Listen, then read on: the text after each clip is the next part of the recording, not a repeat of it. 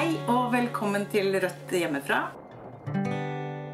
Hei, jeg heter Silje Kjosbakken, og jeg er andre nestleder i Rødt. Og jeg er også eh, programleder her i Rødt eh, hjemmefra. I kveldens sending så skal vi bl.a. bli kjent med vår hovedgjest, som er Sofia Rana. Eh, vi skal lære litt om hvordan tariffoppgjøret egentlig fungerer. Vi skal også snakke litt om det at eh, bemanningsbransjen ser ut til å bli forbudt i Oslofjordregionen. Vi skal også se et innslag eh, om eh, at det er 50 år siden homofili ble avkriminalisert.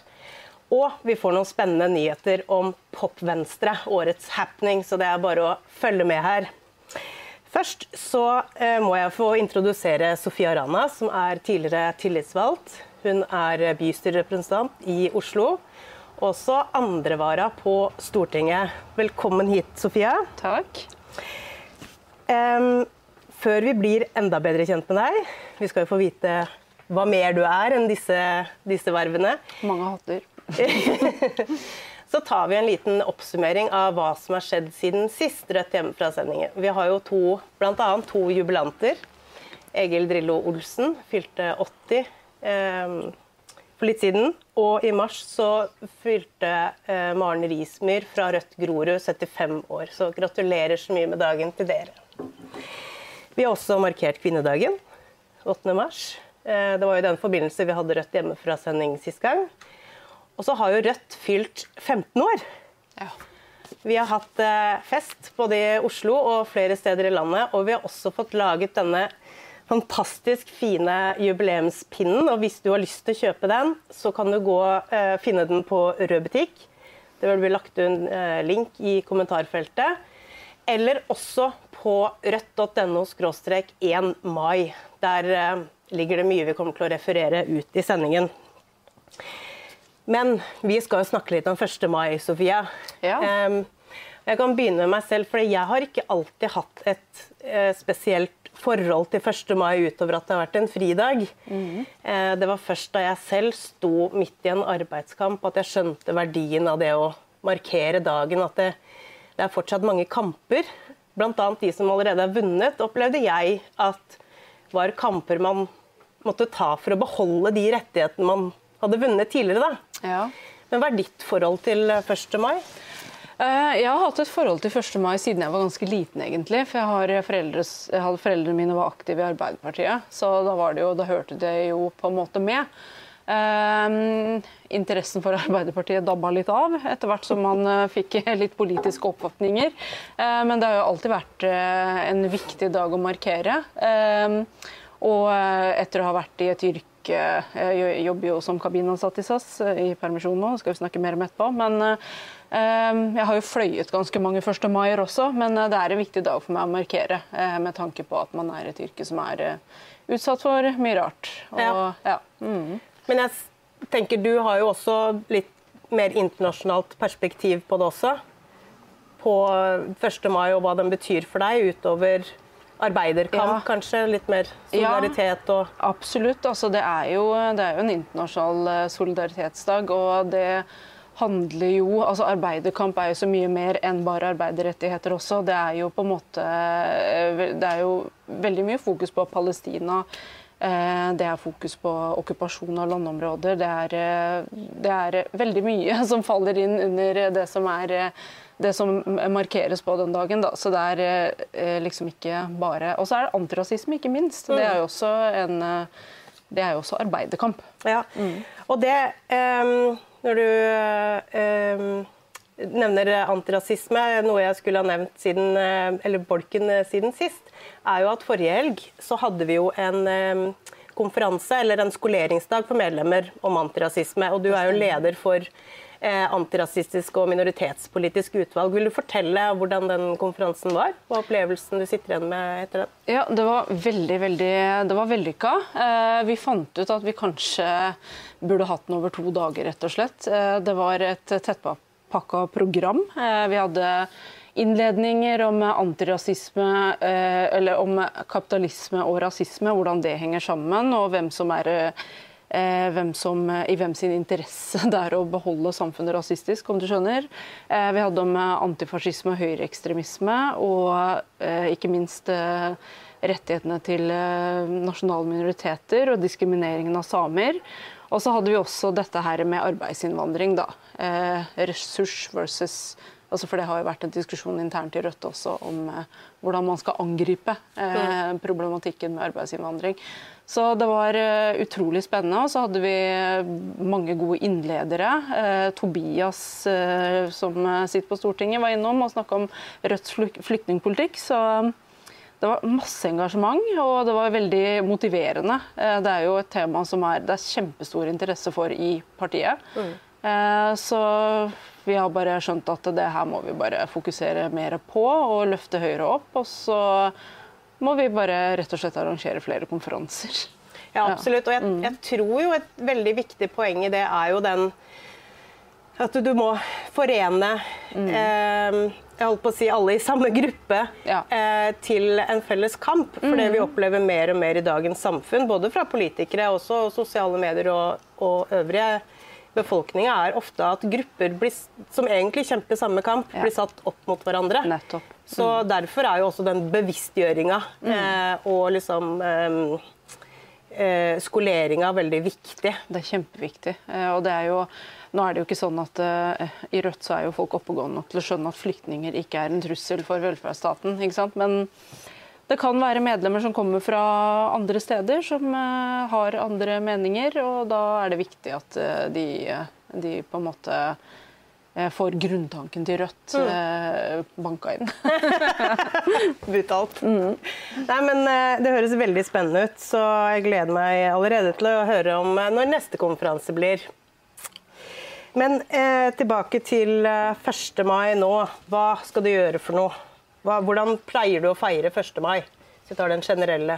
Ja, jeg pleier å gå i tog, og så pleier jeg å være med på et eller annet arrangement som er gøy etter det, eller en eller annen feiring. Eh, mange 1. maier har jeg fløyet. Eh, det er en realitet når man eh, jobber i et flyselskap. De siste par årene har det jo vært superstusslig, så det har vært ja. Markering i park med lokallaget, med solidaritetslaget har det vært. Og så var jeg for et par år siden var på Manifest i 1. mai-sending. Det var jo ganske ålreit, men eh, det var jo rart å ikke gå i tog. Ja, ja så, det syns jeg også har vært ja. veldig rart. I år så skal jeg være konferansier ved Spania-monumentet på Birkelunden. Ja. Og der skal eh, Randi Færevik eh, fra LO i Oslo holde appell, og Mina Dampour. Så jeg skal være konferansier der. Så blir så det en liten appell fra meg, men de, det er de som skal holde appeller og legge krans. Veldig Veldig spennende og veldig gøy. Veldig bra. Um, jeg minnes og husker Jeg tror jeg møtte deg i en eller annen sånn uh, blokade eller demo eller et eller annet uh, innenfor arbeidsliv, og da var jo du Jeg husker ikke helt om du var tillitsvalgt, du var i hvert fall veldig aktiv i fagforeninga. Ja. Uh, men siden den gang så blei du jo Du opplevde å bli permittert som flyvertinne på et tidspunkt? Eh, ja, altså Det som skjedde, var at jeg ble valgt inn i bystyret i 2019. Eh, og så eh, havna jeg i byutviklingsutvalget, som jo er et politisk felt jeg ikke har noe særlig erfaring med. Så jeg måtte jo lære meg for det første måtte jeg lære meg hva det innebærer, innebærer å jobbe parlamentarisk. Eh, og så er det jo byutviklingsutvalget som jeg, jeg har aldri jobba med det i det hele tatt. Så det var veldig mye nytt å sette seg inn i. Så eh, den 1. mars 2020 valgte jeg å gå i permisjon, og den 12. så gikk alle i permisjon. Så, det var selvvalgt? Eh, ja, det var selvvalgt. Det var faktisk ja, okay. selvvalgt. Eh, men så var det jo Planen var jo å bare være, eh, være i permisjon ut året. Men det blir jo mye lenger. Så ja. Men eh, jeg er fortsatt i permisjon, selvvalgt permisjon, fordi jeg har så mye å gjøre i Rødt. Så det blir vanskelig å kombinere med flyvning. Men eh, planen er jo å gå tilbake en eller annen gang. Ja. Men, eh, ja. Men, hvordan har du opplevd det å være tillitsvalgt? Det har jo vært en, en pressa gruppe på mange ja. Det, bransje og gruppe. Det er veldig tøft. Ja. Det er det. Det er en Altså, det var jo tøft Eh, i utgangspunktet når det gikk dårlig for selskapet. Eh, da var ikke jeg tillitsvalgt når det gikk veldig veldig dårlig for SAS, sånn i årene rundt 2012-2014-15 ish.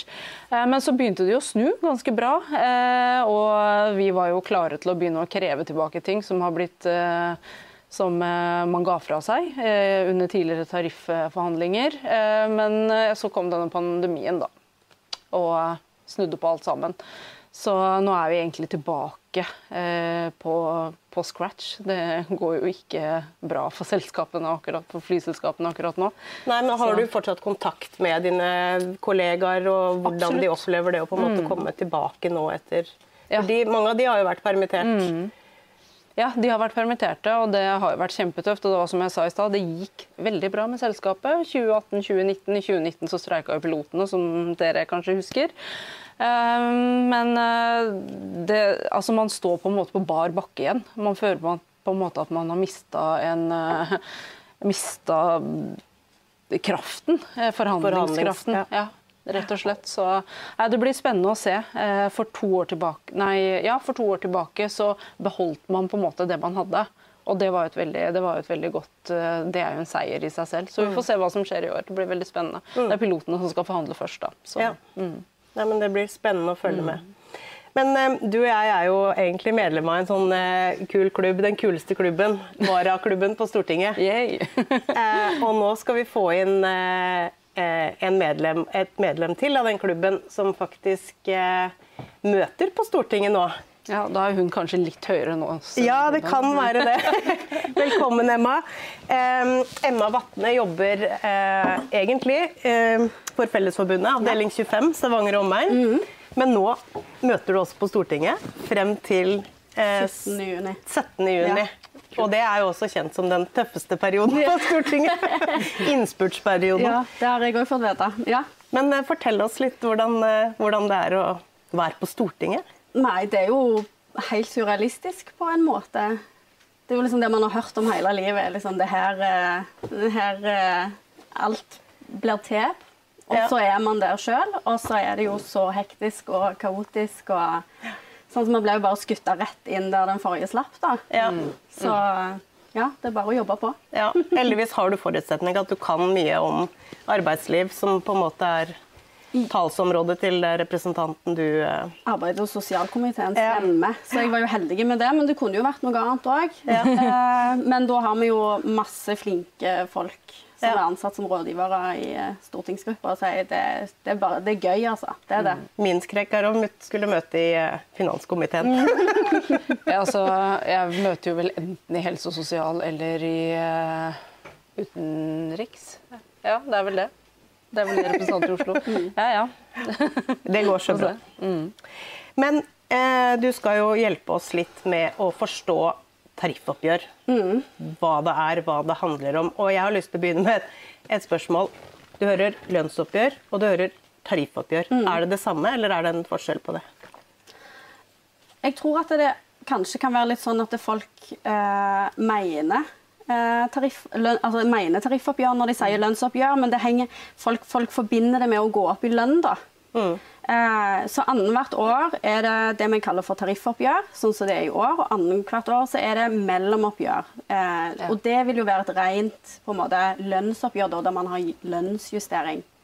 Eh, men sånn som i år, når det er tariffoppgjør, sånn, det store oppgjøret, eh, da forhandler man alt som er i avtalen. Da. Ja. Sant, alle tariffavtaler blir forhandla. Tekst og lønn og ja.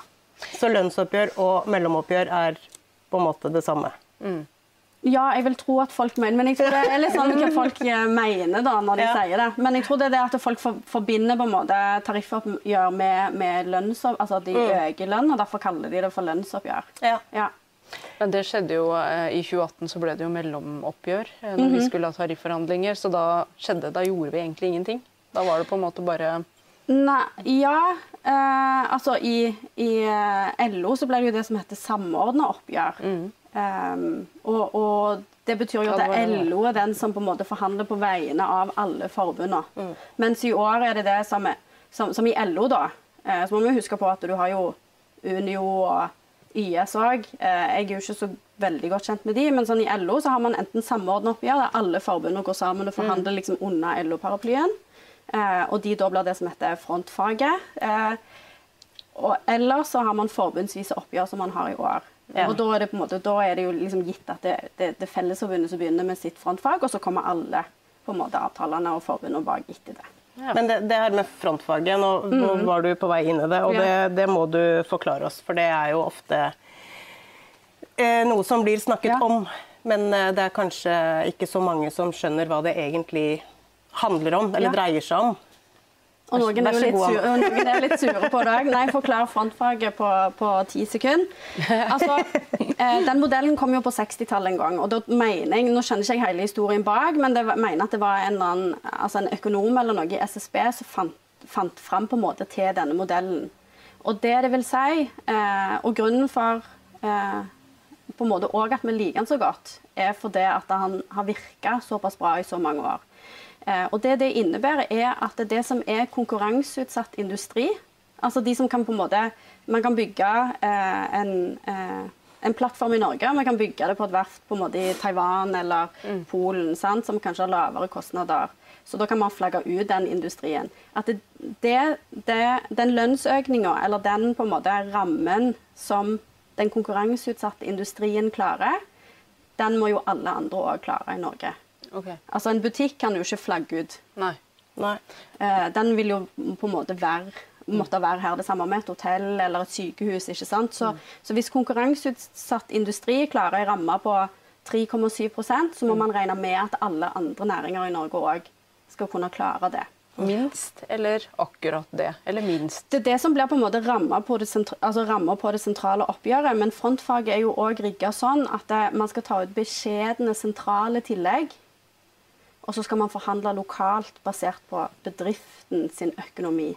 Sant? Så det er beskjeden tillegg eh, eh, på en måte på sentralt i oppgjøret. Og så går de tillitsvalgte tilbake og forhandler lønn lokalt. Ja.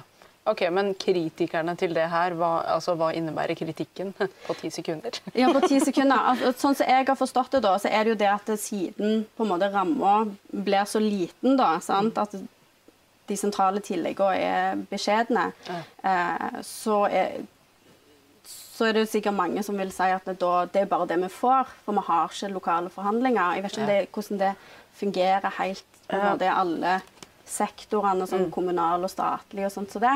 Eh, men men i, i, den priv, altså privat næringsliv så er det jo vanlig å forhandle lokalt. Det er jo en sånn happening som skjer. Så man har jo på en måte et lønnsoppgjør hvert år, Ja.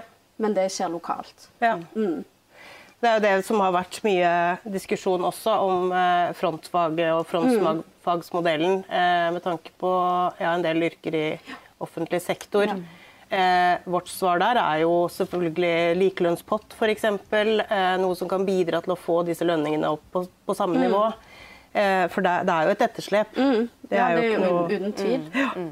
Men eh, du og jeg snakket jo sammen litt tidligere i dag, eh, og så fortalte du om en sånn eh, eh, kommentar. Kan ikke alle bare få minstelønn, eh, eller kan vi ikke innføre det, og så er på en måte mye av Ja, altså, problemet. lovfesta Ja, minstelønn, ja. nasjonal minstelønn.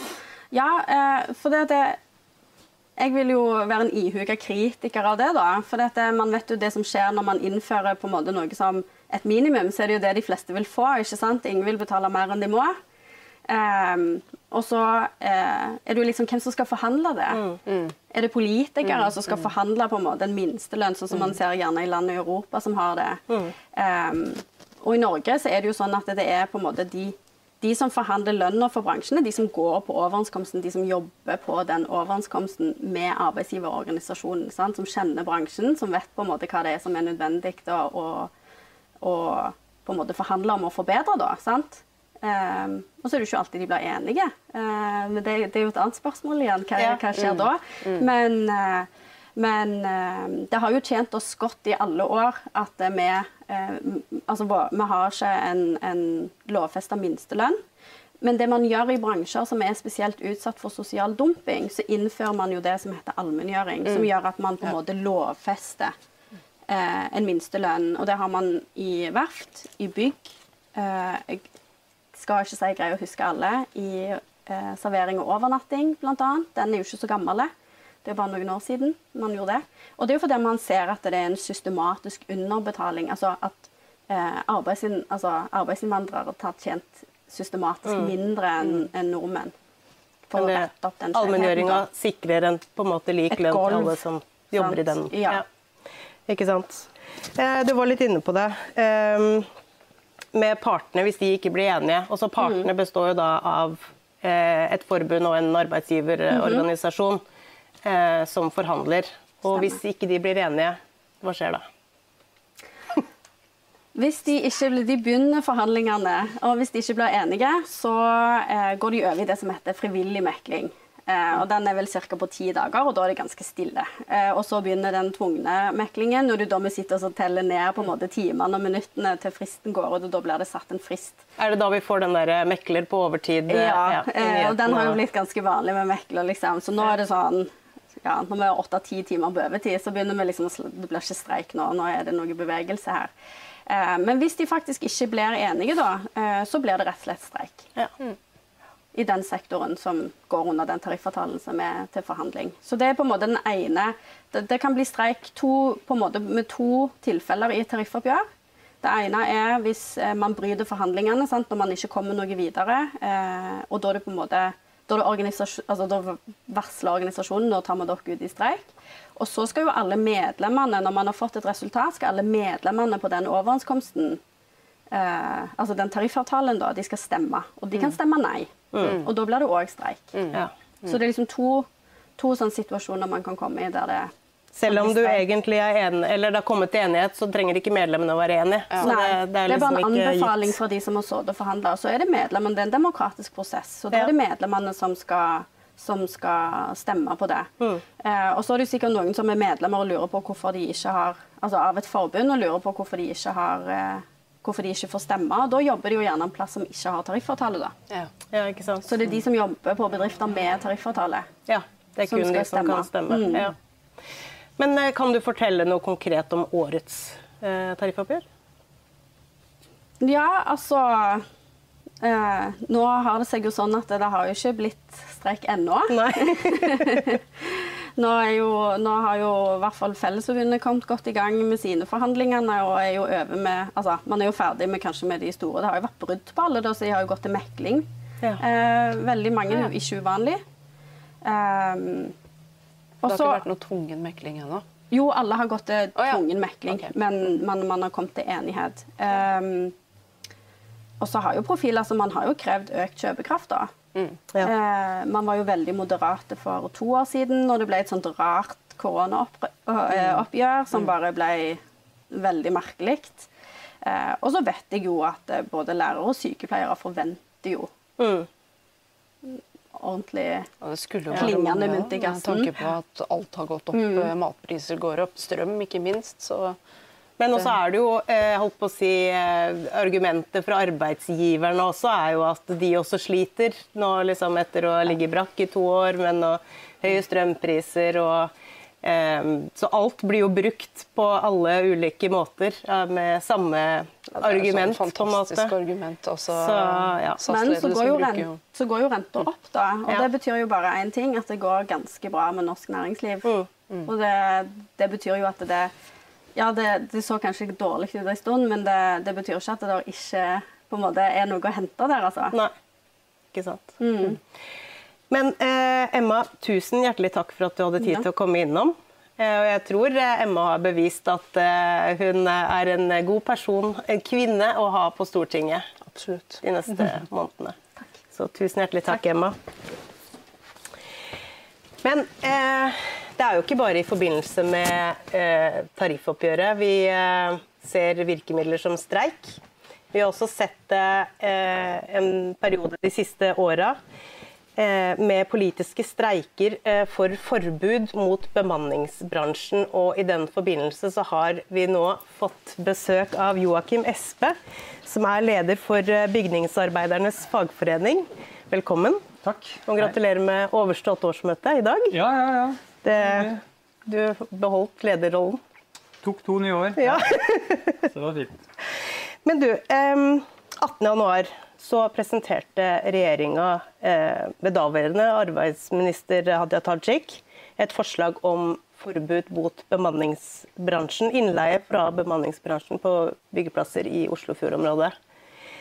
Eh, og det er jo et krav dere og med flere fagforeninger, med, og med støtte fra Rødt, har eh, fremmet politisk streik om en det fire, Fire ganger. Fire ganger Ja. ja. Um, hva er det som vil endre seg konkret um, med det forslaget regjeringa har lagt på bordet? Altså Det forslaget som ligger på bordet nå, hvis vi får vedtatt det i noenlunde i den formen, så vil det som du sier, bli forbudt å leie inn til bygningsarbeid på byggeplasser i Oslo, Viken og det gamle Vestfold fylke. Uh, og det dekker da faktisk 40% av arbeidsmarkedet i byggebransjen. Eh, I tillegg så vil det da være ikke lenger tillatt å leie inn etter eh, såkalt arbeid av midlertidig karakter, som er på en måte den generelle adgang som ligger der i loven i dag. Det vil også bli forbudt. Så det vil kun være adgang til å leie inn for bedrifter med tariffavtale etter avtale med tillitsvalgte i den bedriften. Eh, foruten om sånn eh, reelle vikariater for folk som er sykemeldt eller er i permisjon. Mm. Så det vil bety en, eh, en, kraftig innstramming i adgangen til å leie inn, også utover Oslofjord-regionen. Ja. Bra, men hva, hva, tenker du, eller hva er grunnen til at dette kommer nå i år? Ja, altså for det første er jo dette et resultat av over 20 års kamp mm. fra fagforeninger i, i, bransjer som har vært ramma av, av mye innleie. Eh, men som du sier, så har vi jo siden 2017 hatt eh, fire politiske streiker. Eh, vi fikk jo en endring i lovverket i, i, fra januar 2019 som var en viss innstramming, som også var et resultat av disse streikene. Og På landsmøtet til Fellesforbundet i 2019 så vedtok jo Fellesforbundet, største forbund i privat sektor, at man ville avskaffe bemanningsbransjen i sin nåværende form. Så det har jo vært et massivt press over tid, som sammen med politisk press også. Dette var jo det første forslaget Rødt leverte på Stortinget. Eh, omtrent det som faktisk nå ligger foreslått vedtatt. Så det er jo det presset fra fagbevegelsen og fra venstresida som har tvunget fram at regjeringa også da har eh, kommet med det forslaget de har gjort. Ja, det, det, ble jo lagt fram av eh, daværende arbeids- og inkluderingsminister eh, Hadia Tajik. Eh, men hun har jo siden gått av. Eh, og det var jo litt eh, Eh, blanda reaksjoner på det forslaget når det kom. Er det grunn til å frykte at det, jeg å si, forslaget blir litt vanna ut, nå som hun eh, Altså, det er jo veldig forutsigbart at dette blir møtt av fall deler av arbeidsgiversida med ganske sånn massiv eh, kritikk, og mer eller mindre saklig, vil jo jeg si. Men det er jo klart, dette her står jo nå en samla fagbevegelse bak. Regjeringa har varsla og lovt en storrengjøring av arbeidslivet, og de har fremma dette forslaget. Og Skal vi få den storrengjøringa, så er dette forslaget nødvendig å bli vedtatt i den formen der uten noen store utvanninger. Da. Så at uh, Fallhøyden er veldig stor. og skal vi, skal vi få til den omlegginga i arbeidslivet som vi trenger, da, så er vi avhengig av at det blir levert på det forslaget sånn som det er. Er det, er det flertall for det, da? Det er det flertall på, på Stortinget for. Eh, så med mindre man eh, Med mindre noen snur? Med mindre noen snur, så, så bør dette vedtaket bli vedtatt eh, noenlunde formen det har. Mm. Du nevnte jo at det hadde vært over 20 års kamp. Og hvordan har det påvirka norsk arbeidsliv, det at det har vært ja, 22 år med frislipp da, mm. av privat arbeidsformidling i i norsk arbeidsliv? Jeg mener Man kan jo kalle bemanningsbransjen en slags torpedo mot den norske modellen. Mm. Fordi det har jo ført til systematisk fortrengelse av faste ansettelser. Det har jo ført til en synkende organisasjonsgrad i de bransjene som har vært ramma av det. Eh, for byggebransjens del så har det ført en dramatisk nedgang i produktiviteten. Eh, det har ført til opparbeida rettigheter som lønnsnivå, overtidsbetaling, ikke minst arbeidstida vår har jo blitt undergravd. Mm. Eh, det har ført til færre som søker seg til de yrkesfagutdanningene våre. Eh, færre lærlingplasser. Så dette har jo hatt enorme konsekvenser for, eh, for arbeidslivet. For byggebransjen, som jeg kjenner best, men, men, også for andre bransjer som har vært ramma av det her. Mm. Du har jo det typiske argumentet som kommer fra i hvert fall arbeidsgiversida, med at uh, det å liksom eh, få jobb gjennom bemanningsbyråer er et springbrett ut i arbeidslivet. Hva, hva, tenker du om det? Nei, Tallenes tale er jo veldig klar, eh, og vi har sett det helt tydelig i byggebransjen. Vi har jo også kartlagt på en måte år for år innleiegraden eh, ved å gå ut på byggeplasser og telle hvor mange er ansatt, hvor mange er innleid. Og det vi ser er jo at Der hvor det har blitt økt innleie, så har det systematisk blitt bygget ned faste ansettelser. Og Hvis vi sammenligner tallene mellom 2007 og 2017, så uh, tok de seks største entreprenørbedriftene, altså de vanlige bedriftene i byggebransjen, halverte sin egenbemanning, og i samme periode så åttedobla eh, bemanningsbransjen sin omsetning av timer i, innenfor byggebransjen i Oslo-området. Så det er en direkte sammenheng mellom økt innleie og reduserte faste ansettelser. Så det fortrenger faste ansettelser. Så, så det, det, mm. har vi tall på. Mm. Men er det sånn at uh, de, man bare liksom får en kontrakt for et gitt tidsrom, og så blir samme person for ny kontrakt for et gitt tidspunkt? Eller, uh, for det sier jo noe med erfaringa og liksom kunnskapen en person har på arbeidsplassen. og Derfor skjønner ikke jeg hvorfor man fortrenger faste ansettelser. da. Nei, det er, jo, men det er jo sammenhengen med den fallende produktiviteten også. for Det er jo ingen interesse i bemanningsbyrå til å investere i kompetanse, til Nei. å videreutvikle eh, arbeidskraften. Så lenge de får leid ut noen på en time, så er det en eh, viss fortjeneste til eh, byrået. Og Vi ser jo folk som har vært leid ut til samme bedrift i tre år, eh, men som ikke da blir fast ansatt. Mm. Og det er jo helt meningsløst. Ja, ja. Du står jo utenfor ganske mange rettigheter, og ikke får du huslån eller mm. andre ting heller. Når du skal vise ut hvis du sykemelder deg og ja. får du ikke forlenga kontrakten. Det er jo sånn som lavprisselskaper holder på, da. Mm. Flyselskap. Mm. Som er den eneste referansen jeg har. Ja, ja, men det er jo det samme prinsippet. Ja. Men hvordan kan vi sikre eh, nok arbeidskraft uten eh, bemanningsbyråene, da? Ja, altså for byggebransjen i dag, så når arbeidsgiveren sier at det vil bli helt umulig, plassene vil stoppe opp og vi får ikke bygd osv. Altså, den kortsiktige løsningen er jo at de som i dag jobber på plassen, kan bare fortsette å jobbe der, men de skal bli fast ansatt mm. i produksjonsbedriftene de i dag er leid inn til. Så det er den kortsiktige løsninga. Eh, det er ingen som ønsker at noen skal ut fra, fra byggeplassene. Eh, men den langsiktige løsninga er jo at vi eh, som land må jo tenke hvordan rigger vi utdanningssystemet vårt, hvordan sørger vi for rekruttering til helt sentrale yrker som vi er avhengig av. Og Der må vi ha en helt annen satsing på yrkesfag, helt annen satsing på lærlingeplasser, fagopplæring, kompetansebygging i bedriftene. Så vi trenger jo kortsiktige og langsiktige tiltak. Mm, absolutt. Og jeg, jeg, nå føler jeg meg veldig voksen. Fordi jeg, jeg, fikk jo faktisk min første, min eh, første ordentlige jobb eh, gjennom det som var den offentlige arbeidsformidlinga ja. eh, en gang. Og det var liksom eh, fast jobb, eh, eller i fast bransje da, men jeg hadde fast jobb hver, hver jobb i 15 år. Eh, så det viser jo liksom noe med at det, det var mulig. Mm. Eh, jeg er ikke sikker på om det samme hadde skjedd i dag. Hvis jeg hadde måttet måtte gå For det første må du jo velge et av alle disse bemanningsbyråene å søke deg til. Eh, og for det andre så har du liksom ikke noe trygg jobbframtid. Så mm. dette må jo bare fortsette å stå på, de mm. Veldig bra at dere har stått i den kampen. Men det har jo vært tidligere kamper og tidligere småseire, eh, hvor vi ser at arbeidsgiverne finner sånne små gråsoner eller smutthull. Hvordan kan vi sikre at det ikke skjer igjen. Eller? Ja, og det er jo Nå vil jo arbeidsgiverne igjen bevise at nei, men nå, nå, skal vi rydde opp. Nå skjønner vi at eh, så bare hvis dere venter med bemanningsforbudet, så skal vi ordne opp. Men, men vi hadde jo innstramminger i loven vedtatt i 2018, gjeldende fra januar 2019. Og det vi så rett før de trådte i kraft, det var jo omgåelser mm. med lave stillingsprosenter osv. Og, så og det vi ser i dag, nå som det er varsla dette forbudet, er jo at eh, bemanningsbyråer nå begynner å rigge seg om til å bli, eh, drive med entreprise. Eh, sånn at det vi tror blir den nye omgåelsen, det er jo fiktive entrepriser, eller bemanningsentrepriser. Så det som blir viktig nå, det er jo å få et, når man utarbeider den nye loven, at man får et veldig presis definisjon. Hva er innleie, hva er entreprise, hva er kriteriene for de ulike formene? Og at man får et arbeidstilsyn med klar instruks om å følge opp da, de nye retningslinjene. og at eh, man kan ikke få drive videre, eh, bare definere seg som eh, en underentreprenør og fortsette på samme måte. Det må ligge klare definisjoner på ja. de ulike leddene eller begrepene. Mm. Mm. Men søndag er det 1. mai. Hva er, planene dine? Nei, Endelig så skal vi ha en ordentlig 1. mai. Det har vært to år med sånn digital 1. mai. Ikke helt det samme, syns jeg. Eh, så vi skal ha tradisjonell feiring. Vi har I Fellesbundet her i Oslo så har vi en felles frokost for alle Fellesforbundet-avdelingene. Etterpå så er det i, eh, å gå i tog.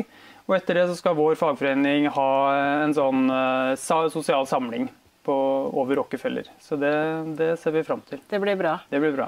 Tusen hjertelig takk for at du kom. Takk for uh, kampene dere har kjempet og fortsetter å kjempe for uh, oss alle. Og så ønsker jeg deg en riktig fin 1. mai. I like måte. Så ses vi plutselig. Takk. Ha det bra. Tusen takk, Joakim Espe. Da var det oss igjen, Sofia. Eh, ja, du nevnte at du ikke skal eh, holde appell, men være konferansier du på 1. mai. Ja, Ja. det skal jeg. Mhm. Det blir jo nesten eh, Jeg får sikkert skvist inn en appell, men fokuset skal jo være på de eh, som faktisk skal holde appell, da. Ja. Så, mhm.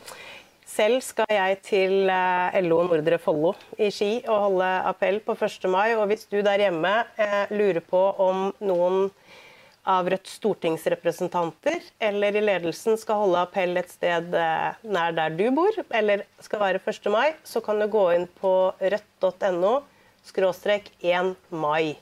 Der ligger det en oversikt bl.a. over det.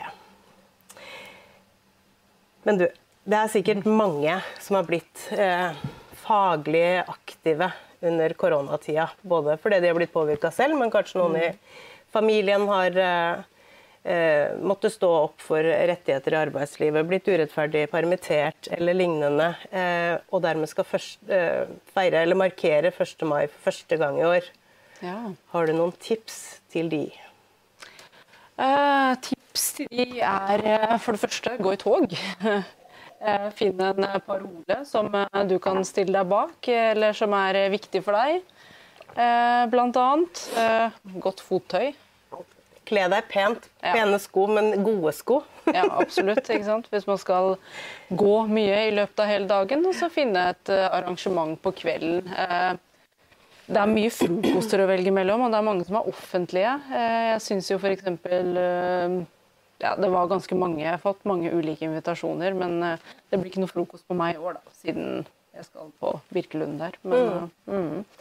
Nei, så det er, det er mye å velge i. Og eh, hvis man er medlem eller organisert, så regner jeg med at eh, de fleste på en måte har fått invitasjon der, da. Og så tror jeg det kan være greit å lære seg første vers av Internasjonalen. Ja, første vers er minstekrav. Eh, Hvis du er avansert, så kan du lære det andre vers, men jeg tror ikke jeg kjenner noen som kan vers som kan du. Eh, og så husk at eh, russetida er over. Det er ikke natt til 1. mai som gjelder lenger. Festen er på 1. mai. Er mai. russetida over? Eller for oss, da. Ah, ja, ja, ja, ok, liksom sånn, ja. ja. Jeg skjønner. opp, litt oppi åra. Ikke sant? Nei, ikke, ikke, ikke sånn russetida. Eh, men for de av dere som eh, skal være på Facebook i åttetida på 1. mai, så eh, er dere hjertelig velkomne til å både se og dele Rødts leder Bjørnar Moxnes sin eh, 1. mai-tale. Den eh, legges også ut eh, 1. mai klokka åtte på Facebook. Da, Sofia, er vi snart eh, Eller vår, eh, vår samtale begynner å gå mot slutten. Jeg har lyst til å takke deg så mye for at du eh, hadde tid til å komme hit i kveld. Takk for Og at at vi komme. kunne bli bedre kjent med deg og få snakke med deg.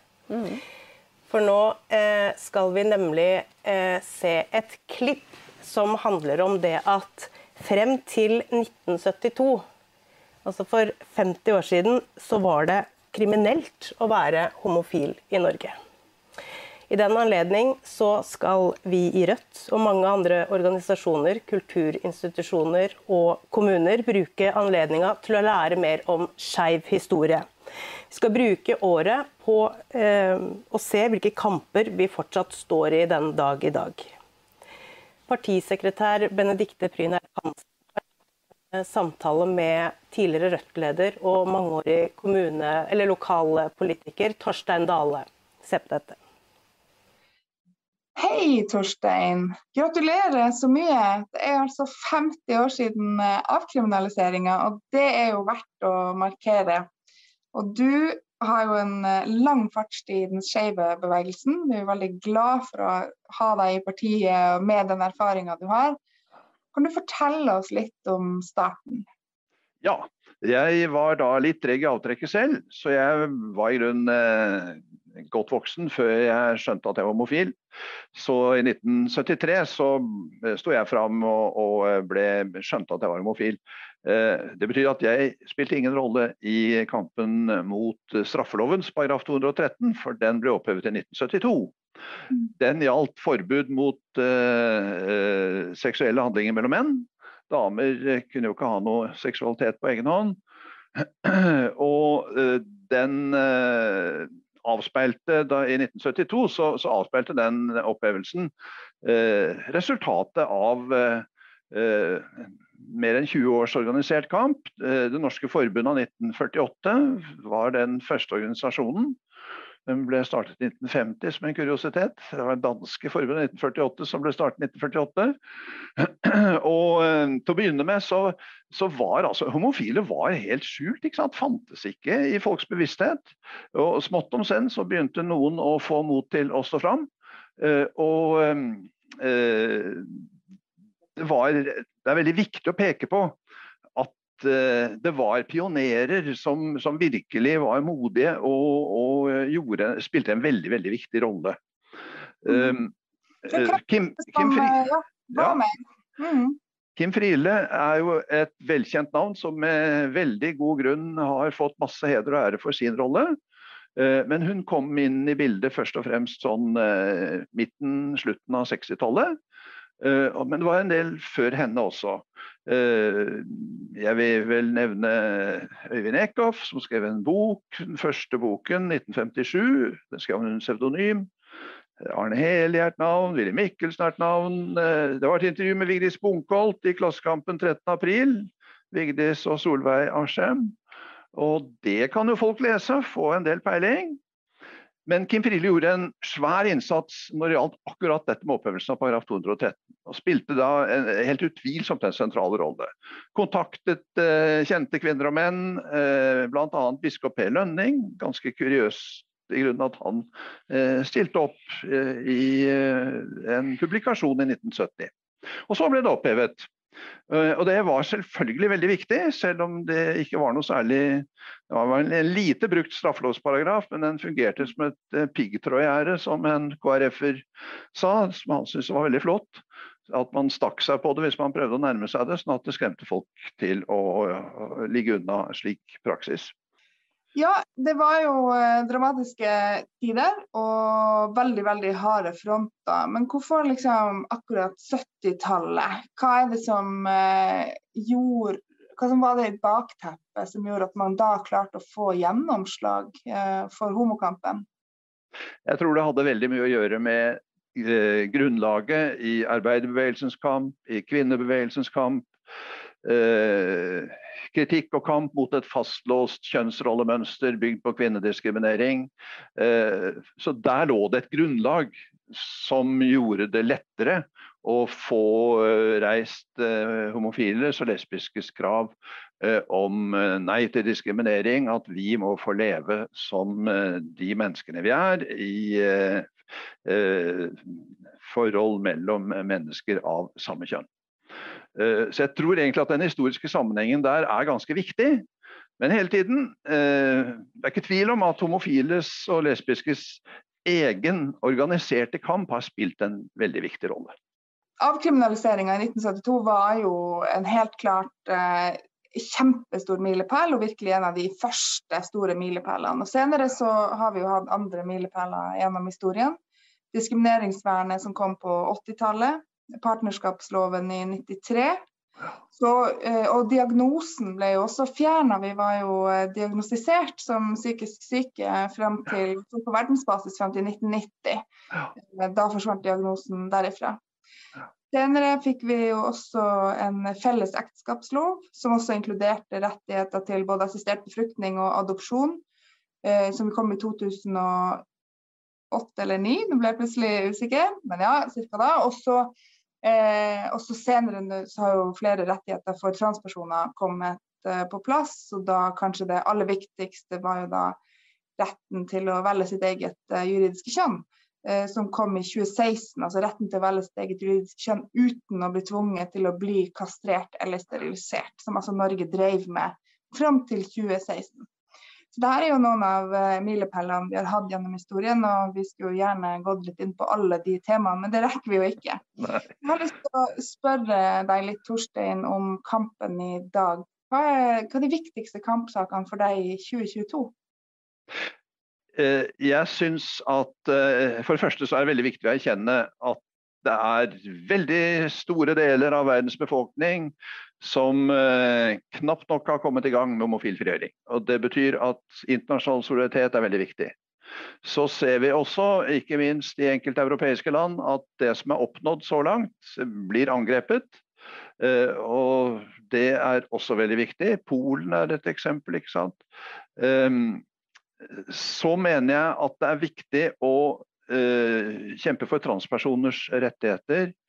Ehm, begrepet skeiv er en paraplybetegnelse. Og dekker på en måte litt over at uh, den inneholder kategorier som er kommet veldig ulike langt. Mm. Og jeg har opplevd hva det vil si å være homofil. ikke sant? Og når jeg sto fram som å kjempe for homofil frigjøring, så var det ikke fordi at det var kjempefestlig, men det var fordi at jeg opplevde det som helt nødvendig for, uh, for meg sjøl og for andre i samme situasjon. Derfor skjønner jeg mye bedre enn mange andre, tror jeg, hvorfor transpersoners kamp er så viktig og vanskelig i dag.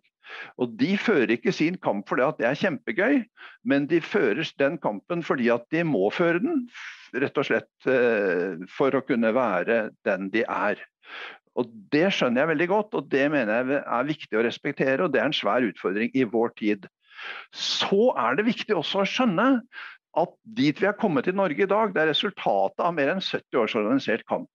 Og Det betyr at mennesker som eh, har en annen bakgrunn, kommer fra andre kulturer, har en annen historie, eh, kommer kanskje fra samfunn hvor dette ikke har vært diskutert i det hele tatt. De eh, kommer til Norge, og selvfølgelig er ikke de da fiks ferdig homofrigjorte. Det skulle jo bare mangle. Eh, og det må vi skjønne. Det er eh, noe vi på den ene siden må respektere, at eh, dermed så trenger vi litt tid. På den andre siden så kan ikke det bety at vi godtar undertrykkelse og diskriminering av skeive i slike miljøer. Så det er en stor utfordring å på den ene side støtte skeive i miljøer som ikke er kommet så langt som uh, andre miljøer i Norge. Uh, og det er viktig å bidra til at vi alle sammen hever hele den norske befolkningen opp på det erkjennelsesnivået som vi etter hvert har fått tilkjempet oss når det gjelder homofil frigjøring. For øvrig så er det jo også viktig å huske på og at det er jo f.eks. en del norske eh, kristne sekter som er ekstremt tilbakeliggende. Så det er ikke sånn at uh, det er en bare idyll på det feltet heller. Men uh, jeg syns det er viktig å peke på at en del innvandrermiljøer trenger vår støtte. Og transpersoner er en veldig viktig kategori å støtte i dagens Norge. Mm. Takk skal du ha. Jeg er helt enig til eh, det siste du tar opp her også, at uh, vår kamp og vår solidaritet med ulike grupper som møter diskriminering, uh, henger sammen. Og det kan jo ikke være sånn at en gruppe som diskrimineres av eventuelt en annen gruppe som også opplever diskriminering, at man skal sette de gruppene opp mot hverandre.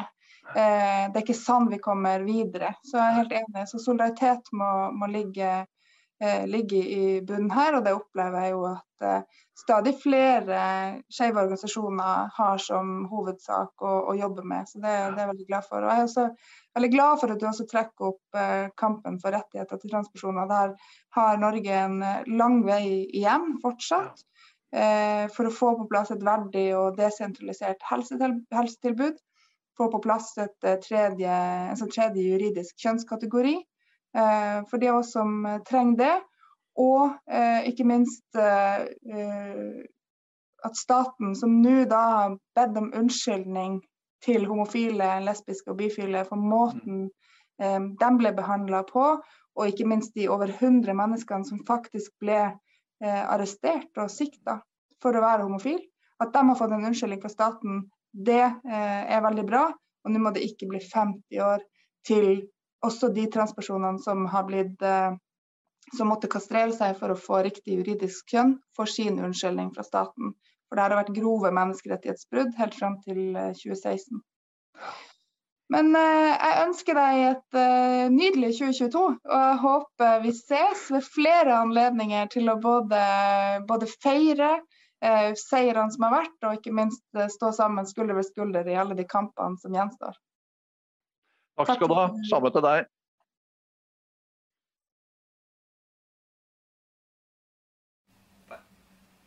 Ja, det var Torstein og Benedikte i samtale der. Og det er som sagt 50 år siden det ble avkriminalisert.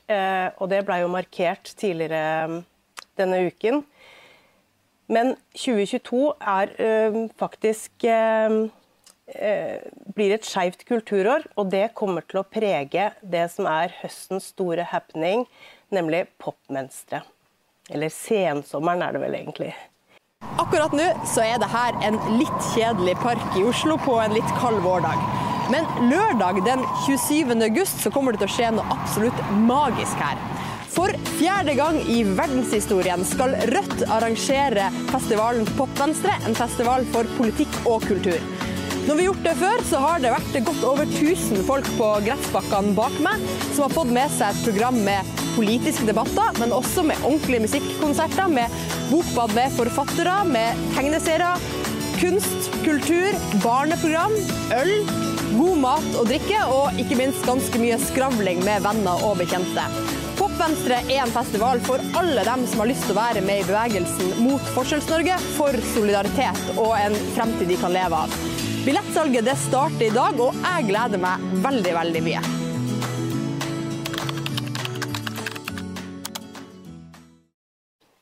Vi går mot uh, slutten av denne sendingen, uh, og jeg har lyst til å nevne noen datoer som er verdt å merke seg frem til neste uh, Rødt hjemmefra-sending, som er 18. august. du har jo selvfølgelig 1. mai nå på søndag. det er ikke bare kampdagen. Eh, men det er også siste dagen til å sikre seg eh, eh, early bird-tilbud på billetter til Popvenstre. Så gå inn på rødt.no 1 mai. Der finner du link til disse billettene. 21. mai så har vi aksjonsdag for likelønn. I juni så er det selvfølgelig pride-måned. Veldig mange ulike arrangement rundt omkring i landet. 11. til 12. juni så er det kvinnesamling. Eh, det er påmeldingsfrist 10. Eh, mai. Hvis du går inn på rødt.no og eh, scroller litt ned, så finner du påmeldingslink til denne samlingen. Og så er det litt sommerferie, og så er det altså Rødt hjemmefra allerede 18. Jeg ønsker å takke dere alle for følget, og jeg håper dere har eh, lært noe, som meg, med mine gjester jeg har hatt på besøk eh, i dag. Sofie Rana, eh, Joakim Espe og Emma Vatne. Og også Kristine Helgesen, som dere vil se igjen eh, i morgen med et klipp med meg. Takk for meg, og takk for følget.